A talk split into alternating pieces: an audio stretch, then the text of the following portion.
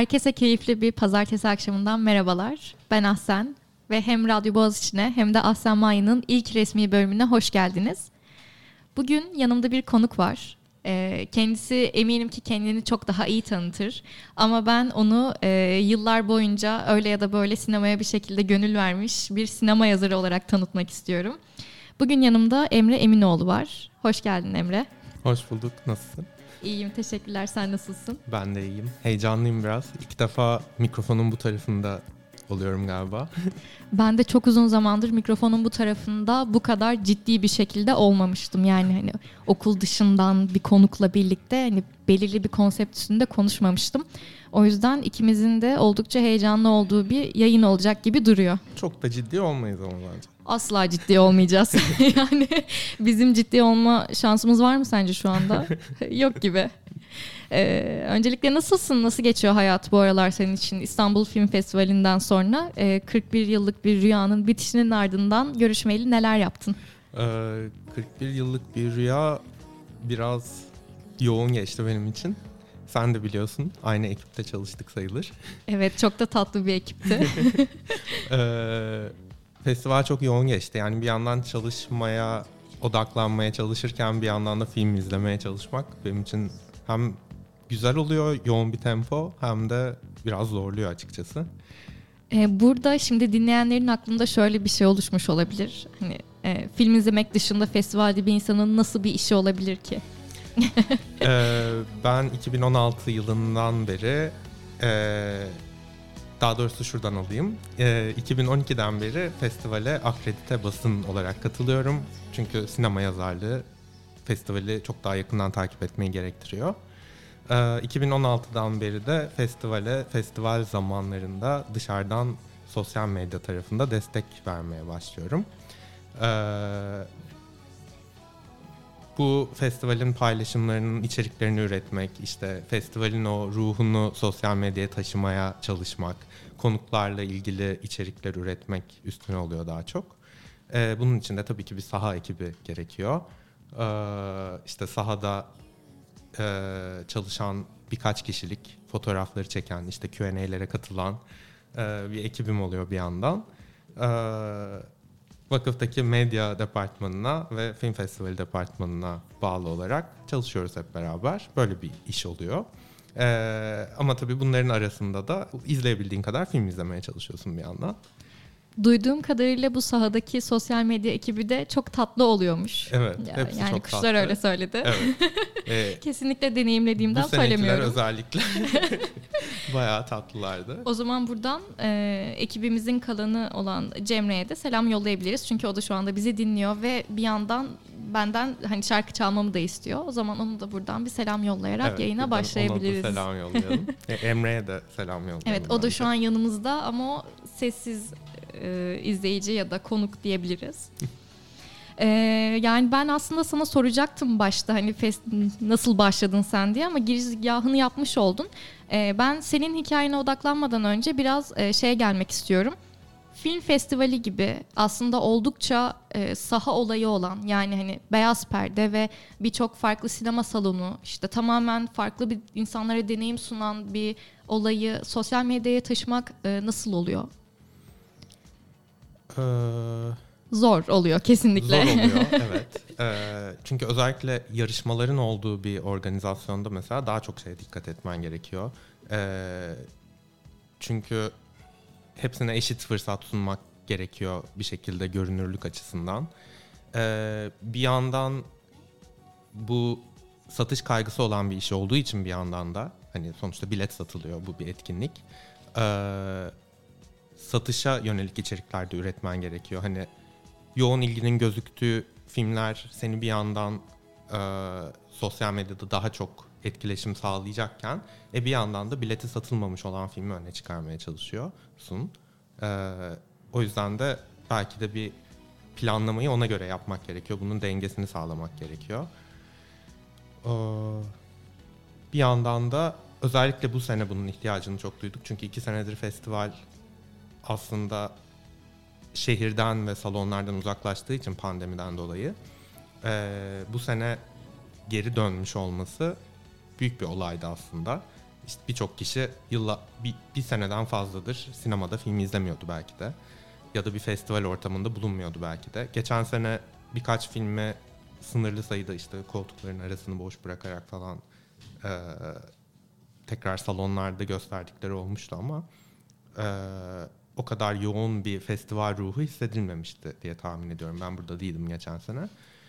Ee, bu sene o yüzden öyle de bir işlevi oldu sosyal medyanın. Hani bakın yine sokaklardayız, yine salonlardayız, yine fuayelerde sohbetler dönüyor. Yine bir araya geldik. İşte bilgisayar ekranımızdan değil, e, şeyden beyaz perdeden film izliyoruz. Bu yansıtmak gerekti. Ya e, özellikle benim gibi hani nispeten daha genç olan ya daha doğrusu şunu şöyle toparlamak gerekirse e, daha önceden çok fazla festival deneyimi olmayan insanlar için aslında bu seneki festival eşsiz bir deneyimdi. Yani benim ilk ciddi olan film festivalim 41. İstanbul Film Festivali'ydi. Ve işte Gaspar Noé'nin gelmesi ve orada kalabalığın işte zaten Twitter'da sürekli döndü işte Nuri Bilge Ceylan'la aynı yerdeyim ki o tweetlerden atan kişilerden biri de bendim. Ya onun dışında işte Gaspar Noé şu an şurada işte hani tuvaletten çıktı elini yıkamıyor işte boğadan işte şeye kadar koşmuş Kadıköy sinemasına kadar falan. Yani bunlar aslında tamamen festivallerin neden normal sinemaya gitmekten. Hani bu müzik festivali için de böyle sayılabilir. Hani neden normal konser veya sinemaya gitme deneyiminden farklı olduğunu da insana gösteriyor. Çünkü 16 e, ve 17 Nisan'da ben full Atlas Beyoğlu yaptım ve yani günde 5 film Hatta günde beşer film. Hani arada kahve içebiliyorsan içiyorsun. Hani yemek yiyorsun, bir şeyler atıştırıyorsun hemen. Sonra tekrardan film. Ve ben Atlas'a sürekli denk geldim. Ee, işte sosyal medya ekibinde çalışırken. Ve orada da üst üste sürekli dünya premieri oldu. Yani orada mesela bir filmi ilk kez ekiple birlikte veya işte sinemada önemli olan insanların yan koltuğunda oturduğunu bilerek izlemek kesinlikle normal sinemaya gitmekten veya işte Mubi gibi dijital platformlarda izlemekten apayrı bir deneyim. Ve ben kesinlikle bunu çok özlemişim. O yüzden hani film ekimini şu anda deliler gibi bekliyorum. Yani benim pandemiden sonra katıldığım ilk festival zaten film ekimiydi. Ama İstanbul Film Festivali benim için bambaşka oldu. İstanbul Film Festivali'nde bir de yani dediğin gibi o e, konukların olması ya da işte ulusal filmlerin dünya premierlerinin gerçekleşiyor olması, o yüzden çok daha yoğun bir katılımın oluyor olması daha değişik bir şey. Yani film ekiminde de çok e, yankı uyandıran filmler işte merakla beklenen filmler gösteriliyor okey. Ama öyle bir konuklu, etkinlikli bir şey olmadığı için e, aslında herhangi bir özel gösterimden çok da farklı olmuyor film ekimi belki. Bu tam bir festival ruhunu hissettiğin, e, işte insan gördüğün. ben Gaspar Noé'yi bir daha nerede göreceğim mesela? Ya da ben birkaç sene önce burada e, Boğaziçi Üniversitesi'nden başlayarak Ian McKellen'la böyle birkaç gün üst üste e, dirsek mesafesinde olmuştum. E, ya da sonraki sene Lynn Ramsey aynı şekilde yine Boğaziçi'nde bir şey vermişti. Jüri başkanlığı yapmıştı o sene. Onu sık sık görüyorduk. Partilerde yan yana geliyorduk. E, gibi anılarımız oluyordu bir daha nerede olacak yani? Ya kesinlikle zaten festival biraz daha yani mesela şimdi birazdan filmlerden de bahsedeceğiz tabii ki ama ben festivallerden bahsederken daha çok işte deneyimlerinden birilerinin bahsetmeyi veya dinlemeyi daha çok seviyorum. Mesela senin sadece bizim okulda anlattığın anılar bile aslında koskocaman şeyler ve üstüne yayınlar yapabiliriz bunlara dair. Ee, o yüzden ben biraz da işi şey tarafına çekmek istiyorum. Sen festival deneyimi oldukça fazla olan birisin. O yüzden bize biraz şeyi daha çok açarak anlatsana. İlk festivalin neydi? Festivallere gitmeye nasıl başladın? Asla unutamadığın festival neler oldu? Hani eskiden olabilir, yeni olabilir veya en sevdiğin festival neler gibi aslında seni şu anda bir festival bombardımanına, soru bombardımanına tutuyorum. Mesela ilk şeyden başlayabiliriz. İlk katıldığın festival neydi? Hatırlıyor musun? Tabii ki hatırlıyorum. Her şeyin kaydını tutan bir insan olarak.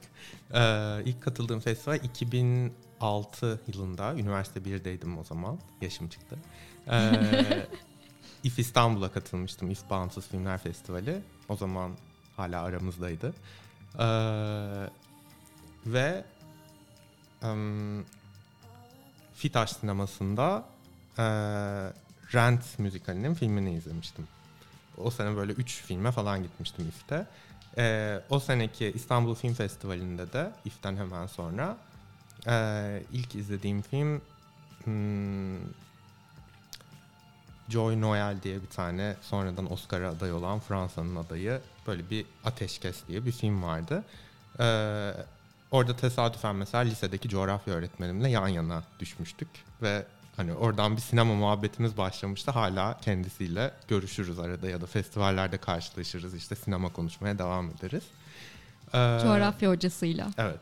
Normalde lisede coğrafya hocaları genelde daha böyle uzakta olan daha weird tipler olur ya.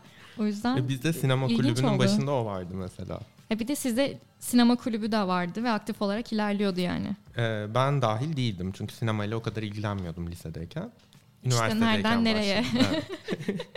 nereden nereye? Ee, ondan sonra bu böyle devam etti bir 6-7 sene. İstanbul'daki işte bu 3 film festivaline, e, İFE, İstanbul Film Festivali'ne ve film ekimine düzenli olarak her sene gittikçe sayısı artan film izleyerek en son böyle 30-35 civarlarına çıkmıştı bir yerden sonra.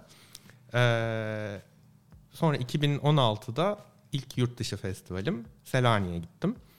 Ee, ona da böyle bir e, Yunanistan konsolosluğuna yazarak işte sizle ilgili turistik içerikte üreteceğiz çalıştığım bir siteye diye anlaşarak e, benim işte konaklamamı falan karşılamalarını sağlayarak gittim. E, peki orada kabul edilme süreci nasıl oldu? Yani bu iletişimler yaklaşık kaç ay sürdü? Yani çünkü normalde hani yurt içinde olan bir festivale ulaşmak nispeten daha kolay. Ama yurt dışına gitmek hani bir festival için hani size içerik üreteceğim diye gitmek için hani şu an bize oldukça zor geliyor. Çünkü hani hem öğrenciler hem de bir şey yapmak isteyen insanlar olarak yani bana çok uzak bir ihtimal olarak geliyor mesela. İki ay önce falan yazışmıştım galiba ama dediğim gibi e, sinema tarafından girmemiştim çok. E, daha çok Selanik'i kent olarak tanıtacağız işte. Daha ticari Konak, ilerlemek evet. lazım yani. Evet. e, çünkü para ve bütçe ona ayrılıyor genelde. Ya, tabii ki. Hani tabii ki. Başvuracağın yer konsoloslukla ya da bir markaysa onların dikkatini çekecek ya da paylaşılacağına emin oldukları bir şey sağlaman, bir şey vermen gerekiyor karşılığında.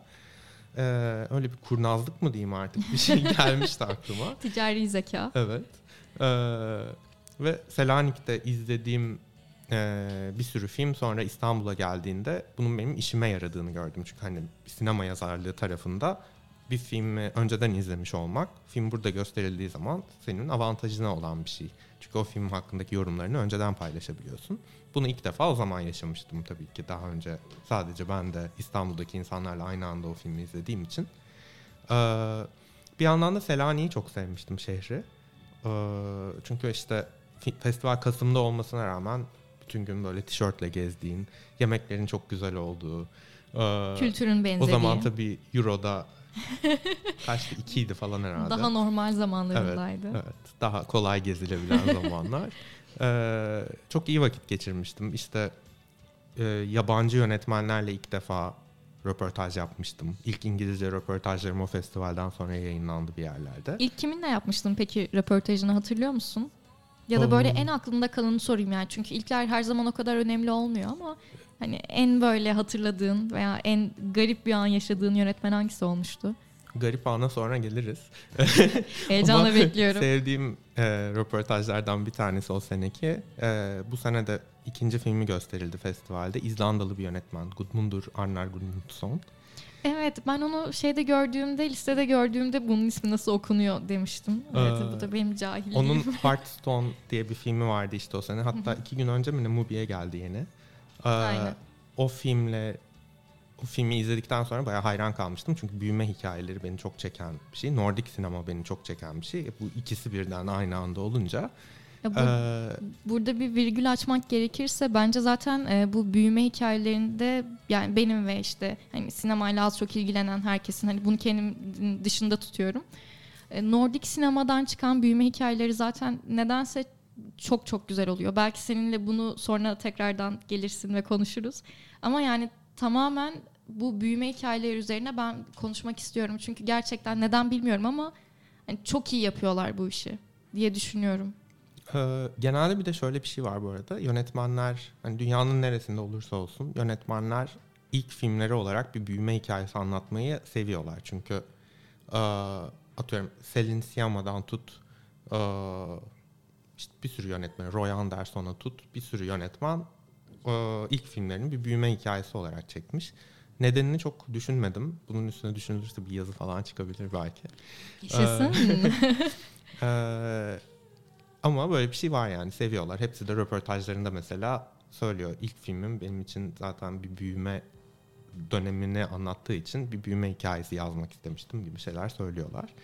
Ee, neyse o röportaj mesela benim için çok özeldir. Çünkü e, hem işte ilk İngilizce röportajlarımdan bir tanesiydi. E, hem bunu Selanik'te yapmış olmak güzeldi. E, sadece soru cevap şeklinde ilerlemeyip hani öncesinde bir şeyler içip şey- e, diğer filmlerden konuşmuştuk mesela. Onu böyle hissedebildiğim hani sadece böyle mekanik bir şekilde röportaj yapmak gerekmediğini hissettiğim bir röportaj olmuştu. Aynı sene miydi? İki sene sonra bir daha gittim Selanik'e. O zaman mıydı? Onu çok hatırlamıyorum. Ee, garip dediğim röportaj. Ee, festivalin e, ekibinden kaynaklanan bir iletişimsizlik şeyi olmuştu. Çünkü genelde e, şey olur, röportaj yapacağın yönetmenle buluşacağın yerde festival ekibinden biri de gelir, seni tanıştırır, yalnız bırakır, röportajını yaparsın. Araya Ee, yapıp çekilir yani. Evet.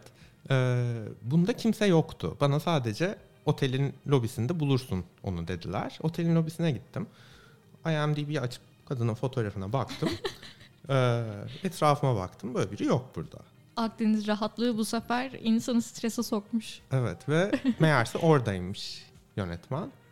Ee, nasıl beni tanımazsınla başlayan bir gerginlikle başladı röportaj. Çünkü orada telefonlar edildi işte ben festival ekibine telefon ettim. Ben otelden odasını arattım odada çıkmıyor işte yok burada nerede diye festival ekibini arıyorum. Festival ekibi onu arıyor e ben buradayım diyor falan. Bayağı bir gergin başlayan röportaj olmuştu. Ve bütün sorularıma o gerginlikten dolayı soğuk soğuk cevaplar vermişti. Aa, kim olduğunu söylemeyeceğim. Aa, zaten filmini de sevmemiştim diyormuşum. Peki e, yani sonrasında o yönetmenle karşılaştınız mı? Hiç ya da tekrardan iletişime geçmemişsinizdir herhalde. Yok hayır. Zaten İyi ortaya olmuş. çıkan röportaj da çok iyi olmadığı için yayınlanmadı da sonra. O yüzden bir daha Ya deme çünkü ben bu yayın bittikten sonra senin bütün röportajlarına bakıp böyle işte tarihlerine göre bulacaktım. Neyse. eee, Senden özel olarak öğrenirim bir tamam ara. öğrenirsin. Okey Selanik zaman da kapandı ama seninle konuştuğumuz kadarıyla ben Selanik dışında da bir sürü festivale katıldığını biliyorum. Ee, evet çünkü 2017 ile 2021 arası Chicago'da yaşadım ve Chicago'da aslında bir sürü festivale de katılmış oldum böylece. Hani o bir yerden kalkıp bir yere gitmelik bir şey olmadı çok. Hani yaşadığım yerdeki festivalleri tabii ki takip ediyordum çünkü. Ee, ama oraya da hani Türkiye'den bir basın olarak akreditasyon alıp e, oradaki filmleri burada yazmak gibi şeyler yaptım. Hani çünkü çok buradan kalkıp atıyorum Sundance'e, Toronto'ya okyanusun o tarafında giden oluyor. Ama mesela Chicago Film Festivali aslında Kuzey Amerika'daki en eski festival. Ee, ve hani çok onu takip eden Türkiye'den birileri yok. O yüzden iyi oldu yani. Ya çok büyük bir açık vardı ve sen de onu çok güzel bir şekilde doldurdun. Ee, orada da şöyle bir şey oldu. Ben 3 sene boyunca oradaki festivali takip ederken ee, sadece Türkiye'den tek bir yapım gösterildi. O da Sibel'di. Ee, Damla ile Damla Sönmez'le orada tanıştık. Mesela orada bir röportaj Aa. yaptık. Ee, hatta işte aa Türkçe röportaj falan diye sevinip böyle bayağı güzel. Ee, Özlemişim. e, çünkü bayağı ilgi görmüştü mesela. E tabii o zaman orada. Zoom'u bilmiyoruz. Yani online röportajlar, işte kayıtlar vesaire çok yok Ee, hayatımızda. yok yok filmin kendisi Amerikalılar tarafından bayağı ilgi görmüştü. Ha okey ben şey zannettim hani e, sizin orada Türkçe röportaj yapmanız Türkiye'de çok Ha, ilgi gördü. Yok. Ha çok daha güzelmiş bu. Ee, üç sene boyunca bir tek on- ona denk gelip ondan sonra benim, benim buraya geldiğim ve festivale ilk, ilk katılamadığım sene e, üç tane Türk yapımı gösterildi. ee, işte iki uzun bir, bir belgesel okul tıraşı gösterildi. Bir tane belgesel gösterildi galiba. Ee, bir de Murat Emire'nin kısa filmi gösterildi. Ee, yani hani benim dönmemi mi bekliyordunuz Gösterilmiş. diye e, bir içlenmiştim onlara. E, son 3 senedir de Berlinale'ye katılıyorum. Hani bir tanesi bunun tabii ki evimin koltuğundan oldu ama e, Ama yine de katıldım pandeminin sonuçta. hemen öncesinde Berlin'deydim. E, ve pandemi bittikten sonra aslında tekrardan yurt dışında festivallere katılmaya başladığımda da katıldığım ilk festival yine Berlinale oldu. E, Güzel bir açılış olmuş. evet. Güzel bir kapanış da olmuştu aslında. Onun kapanış olduğunu bilmiyordum ama. E, ve oradaki festival ortamını da bayağı sevdim aslında. Keyifli ya gayet. Ben böyle e, festival anılarını duymayı çok seviyorum. Çünkü dediğim gibi benim de işte bu pandemiden dolayı katılamadığım bir sürü festival oldu. Ve bu festivalleri tekrardan böyle başka insanlardan dinlemek ve sonrasında umuyorum ki uzun bir süre boyunca sürekli hani gördüğüm her festivale, hani nitelikli festivale tabii katılarak hani bu arayı kapatmak istiyorum. Çünkü ben de bu İstanbul Film Festivali sürecinde şeyi fark ettim. Ne kadar festival insanı olduğumu. Yani bugün sen olmayan Emre ile konuşuyorduk ve ben dedim ki ben kesinlikle festival insanıyım. Çünkü ya tamam hani ben de film izleyen bir insanım. Her ne kadar son zamanlarda çok fazla izleyemesem de. Bence İstanbul Film Festivali ile birlikte zaten o arayı bayağı kapattım. Ve o şey çok hoşuma gidiyor ya. Mesela hani bir filmi izliyorsun okey ama o filmi izlerken o filme dair bir sürü deneyim elde etmiş oluyorsun. Ve o film aslında seni daha farklı etkiliyor. Mesela şey muhabbeti var ya işte sinema salonunda uyuyakalmak. Hani normalde herkes şey diyor ya işte sinema salonu evim gibi olduğu için işte uyuyakalmak da hoşuma gidiyor falan diye. Hani aslında bu da böyle bir olay yani. O İstanbul Film Festivali'nde olup Nisan ayının işte bir ya da iki haftasını kapatmak bana çok rahatlatıcı bir şey olarak geliyor. İşte orada sürekli her gün bir insanın yüzünü görmek. Mesela her gün Kerem Aya'nın moderatörlüğünde bir filmi izlemek. İşte ondan sonra farklı bir moderatörün gelmesi. İşte o Q&A'lerde hani böyle garip anların yaşanması falan. O gergin sessizlik. Ondan sonra biri işte soru sormaya başlıyor ama o soru işte bambaşka yerlere kayıyor falan. Bütün bunların hepsini deneyimlemek ve sonrasında bir filmin muhabbeti açıldığında ya ben onu İstanbul Film Festivali'nde şununla şununla birlikte izlemiştim gibi bunun ortamlarda havasını dağıtmak yani burada itiraf etmek gerekirse oldukça keyifli oluyor. Hı hı. Ve e, yani perdede film izleme deneyimi zaten bambaşka evinde izlemekten. Ama vizyondaki bir filmi izlemekle atıyorum 15-20 kişinin olduğu e, boş diyebileceğim bir salonda bir film izlemekle e, biletleri tükenen tıklım tıklım salonun da olduğu bir festival salonunda izlemek o yüzden çok farklı oluyor. Yani hani e, çünkü yanındaki insanların işte gülmesi, ağlaması, e, bunları senin hissetmen ve filmi belki de onlarla kodlaman kafanda çok değişik. Yani ben mesela filmleri e, sadece film olarak hatırlamıyorum. Nerede izlediğim, kiminle izlediğim, ne zaman izlediğim, hangi şeyli, hangi hislerle o filme girmem bile benim filmi beğenip beğen- beğenmememi etkiliyor. Birçok kişi için de böyledir büyük ihtimalle. Ya bu festival dışında da olan bir şey. Yani genel olarak beyaz perdede film izlemek benim için hani bin kere bile izlesem hala daha çok şaşırtıcı bir şey olacak. Çünkü o sinema koltuğunun verdiği o şey hani oturuyorsun oraya film izlemeye gelmişsin. Hani şey gibi emek verildi buna ya hani bunu nasıl eleştirirsiniz eleştirileri oluyor ya. Tam olarak öyle bir şey. Hani gidiyorsun o film için emek harcamış oluyorsun aslında. O yüzden o film senin için daha içsel bir yolculuğa dönüşüyor ve hani telefonu falan da açamadığın için tamamen ona odaklanıyorsun ve belki hani o an o günkü moduna göre de hiç hissetmeyeceğin şeyleri hissediyorsun ama bunu evde film izlerken kolay kolay yaşayamazsın. Çünkü film izlemek için film izliyorsun. Ama sinemaya gittiğinde bambaşka bir olay oluyor. O yüzden işte ben deneyim elde edebildiğim her şeye bayılıyorum. Öyle ya da böyle. Hani o yüzden film festivali özellikle benim için deli dehşet bir şey oluyor. Mesela Vortex işte hani Atlas'ta yüzlerce insanla birlikte izledim. Hani en önde merdivende oturarak izledim. Koltukta oturabilme şansım varken. Ama hani merdivende oturmak bile aslında bana bir şey yaptı. Yani işte bunu böyle izledim diyebilmek işte. Atlas sinemasında neredeyse tüm dünya premierlerine katılmış olmak. Hani film çok kötü bile olsa hani diyorsun ki bunu dünya premierinde izlemiştim. Hani çok da bir olayı yok aslında bunların hiçbirinin hani filmin değerini azaltıp yükseltmiyor hani şey diğer insanlar genelinde. Ama bende çok daha kişisel bir yeri oluyor onun. Ya eminim ki senin için işte katıldığın veya çalıştığın festivallerdeki filmlerde öyle oluyordur. Ee, oluyor. bir yandan tersi de oluyor. Yani o kadar emek harcayıp ya da işte o deneyime odaklanıp bir filme gidip filmi beğenmezsen ve film gerçekten kötü çıkarsa o filme daha fazla bozuluyorsun. E değil mi? Yani çünkü daha kişisel bir şey oluyor orada. Yani ona artık tepki verebilme seviyesine erişiyorsun.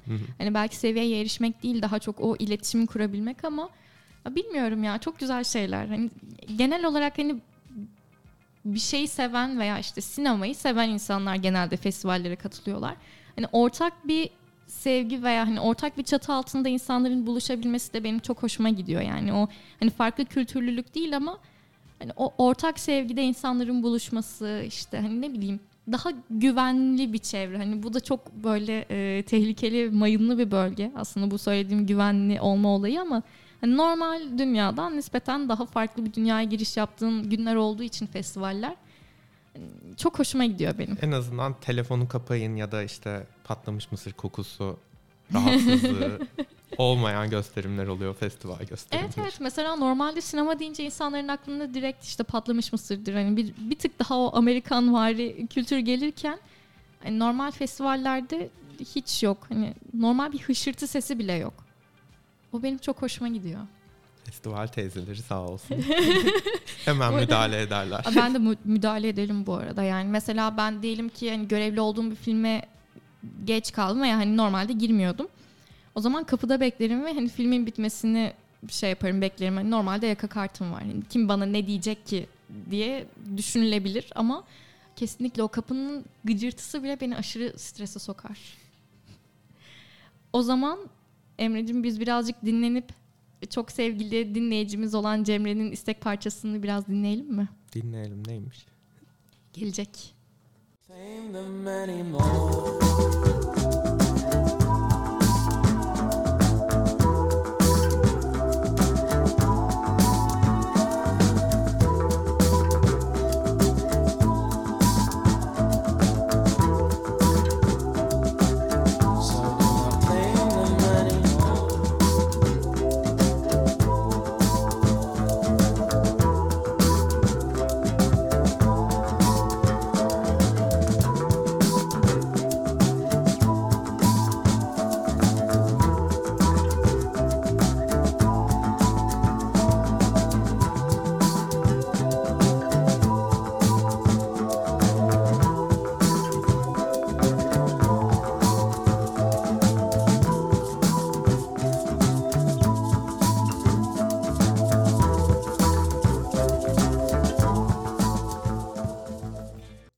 Şarkının ardından tekrardan geri döndük. Ben bu yayını çok fazla senin festival deneyimlerinden ilerletmişim gibi hissediyorum ama aslında bu film festivalinde izlediklerini de merak ediyorum.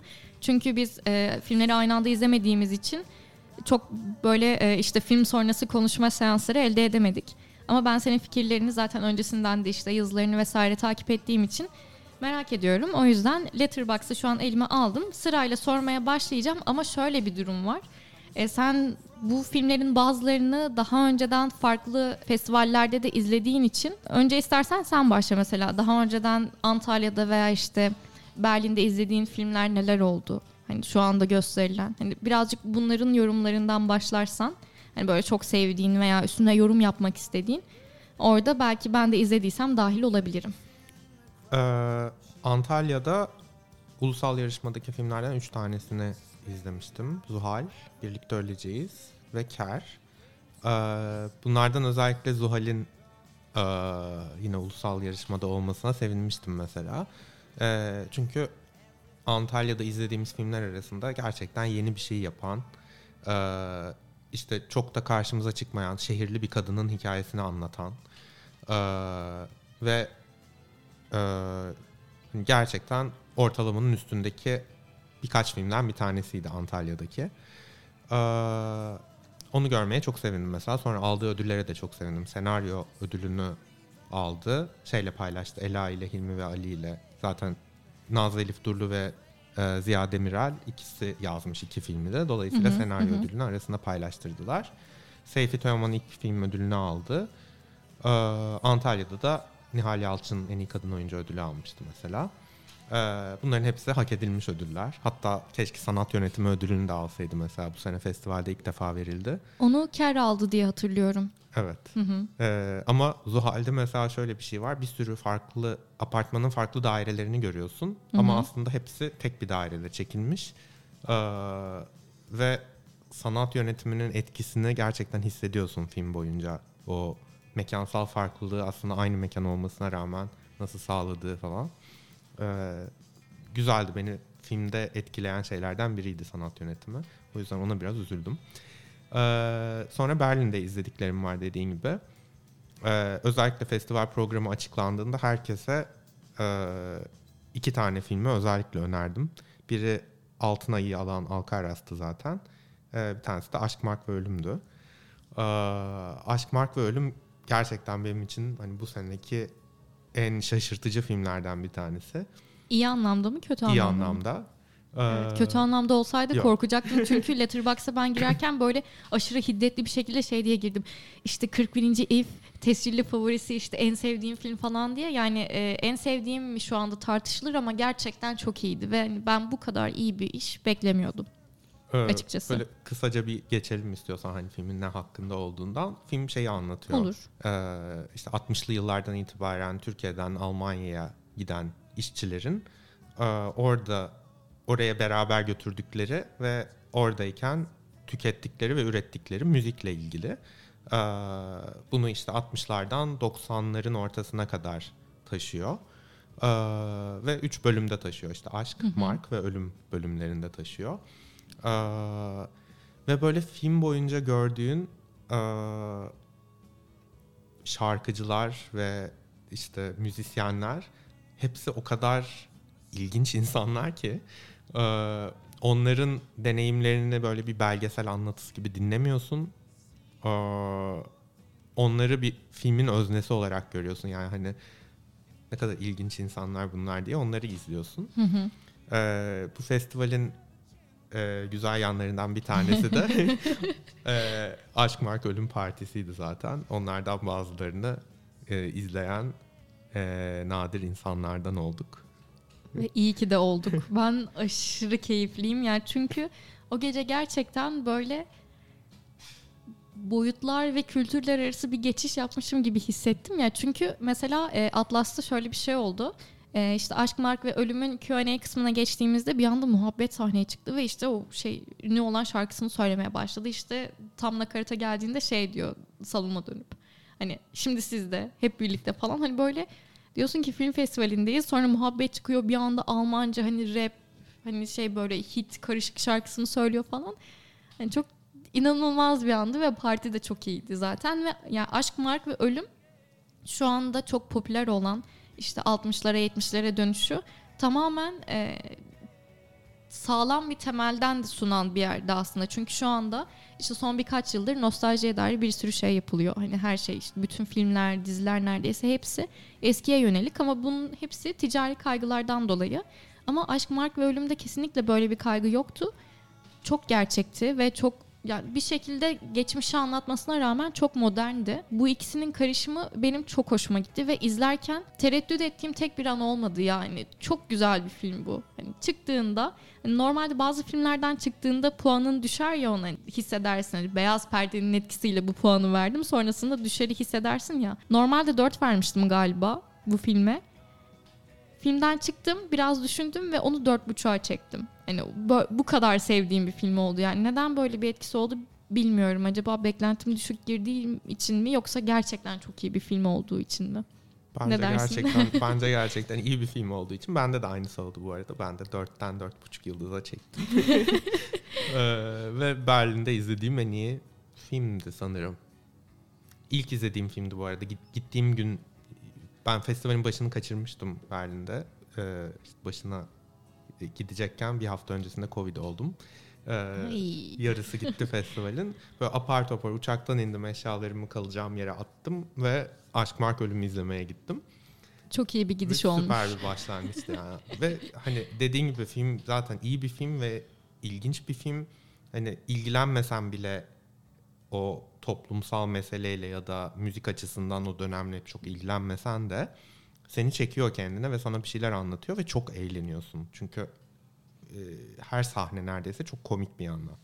Ya evet normalde ya, gerçi bu algı artık yok. Hani yıllar öncesinde kaldı ama bir şey belgesel dediğimizde çok daha ciddi ve hani böyle döküman döküman ilerleyen bir şey oluyor ya. Aşk, Mark ve Ölüm öyle de değildi. Hani bu şeyi de yıkan bir şeydi ve ben hani deliriyorum ya şu an burada. Hani böyle çığlık atmamak için kendimi zor tutuyorum. Çünkü çok uzun zamandır bir film benim bu kadar çok heyecanlandırmıyordu. Ve bu heyecan duygumu tekrardan alabilmek çok hoşuma gitti. Hani çünkü normalde bu festivalin ana noktası neydi? İşte Gaspar Noé geldi. İşte Vortex izlendi birlikte. Sonrasında Q&A oldu falan ama Aşk, Mark ve Ölüm kadar beni heyecanlandıran bir an çok az olmuştur ya festival boyunca. Evet. Ben çok sevmişim galiba bu filmi. bir de benim için şöyle bir an oldu bu festivalde.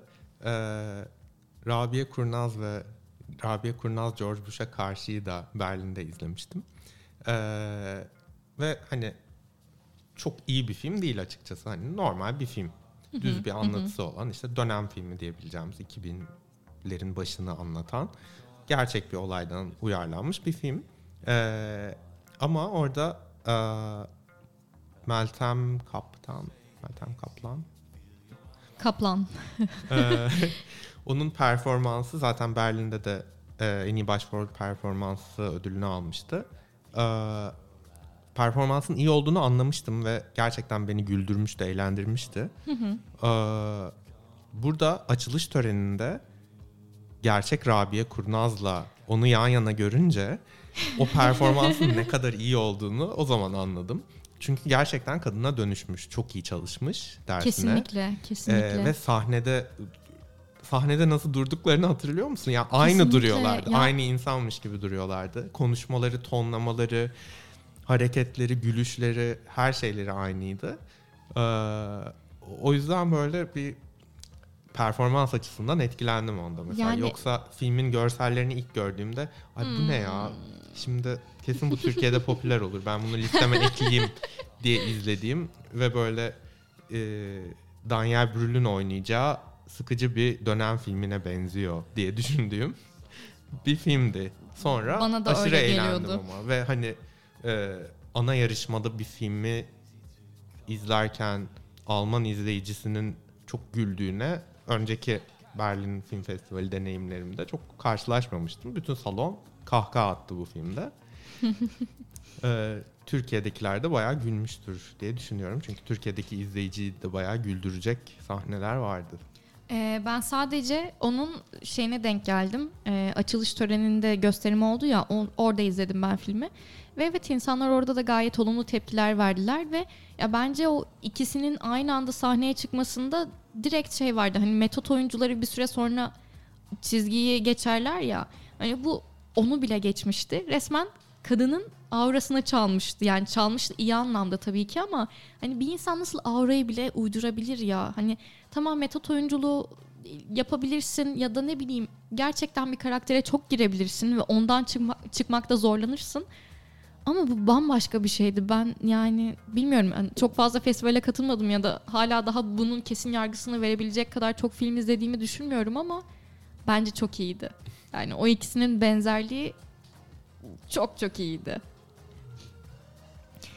O zaman e, biraz da şeye geçebiliriz. Bu festivalde ilk kez izlediğin filmler neler oldu? Biraz bunlardan bahsedebiliriz. Hmm, bu festivalde 20 küsur film izledim galiba. Ee, dediğim gibi çalışırken biraz zor oluyor normalde. 35'e 40'ı zorlardım. Bu kadar 10 gün süren bir festivalde normalde öyle oluyor. Ee, 20 küsur film izledim. Ee, bazılarını da dediğim gibi önceden izleyip gelmiştim. O yüzden daha fazlasını programın e, şey yapmış olabildim. Hmm, şöyle bir parantez açayım. Ben maalesef hayatım boyunca Godfather'ı izlememiştim. Ne? Festivalde ilk kez e, sinemada izlemiş olmak çok büyük bir şeydi benim için. Ve e iyi denk gelmiş o zaman. Beğeneceğimi kesinlikle düşünmüyordum. Yani hani mafya filmi ya beğenmem herhalde diye kesiyorlar. Böyle düşündüğüm bir filmdi. Ve gerçekten insanların bir bildiği varmış yani. Çok güzel toparladın biliyor musun? Çünkü yani The Godfather'a laf etmek her yiğidin harcı değildir diye düşünüyorum. Yok. Ee, ama dediğim gibi yani festivalde bunu bir salonda izlemiş olmak bir daha nerede karşına çıkacak bir fırsat. Kesinlikle. O yüzden çok mutlu oldum. Peki e, hangi salonda izledin? Kadıköy'de izledim. Ay tatlı. Güzel. Sen daha çok Kadıköy'de kaldın galiba. Ben de daha çok Atlas tarafındaydım. Ya ben Kadıköy tarafına geçmeyi isterdim. O yüzden film ekiminde bir tık daha Kadıköy'e kayacağım. Karşının taksisi olduğum için ben orada izlemek daha kolay geldi. Birazcık ben de kıtalar arası bir geçiş yapmak istiyorum. Ee, peki e, bir diyelim ki liste yapacaksın. Şu- bu festivalde gördüklerin ama yani eskiden izlediklerin değil. Hani ilk kez izlediklerin The Godfather haricinde. İlk üçe hangi filmi koyardın? Neden?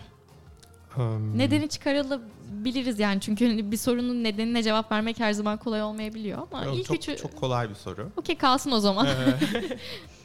Ee, eee, bir ile ikiye şu an hangisinin daha iyi olduğuna hala üstlerine düşününce karar veremiyorum.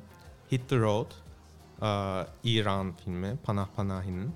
Hı hı. Eee, diğeri de After Yang. Eee, o aslında hani e, festivalden önce düşmüştü. Hani izleyenler olmuştu Malum festivalden malum yerlere.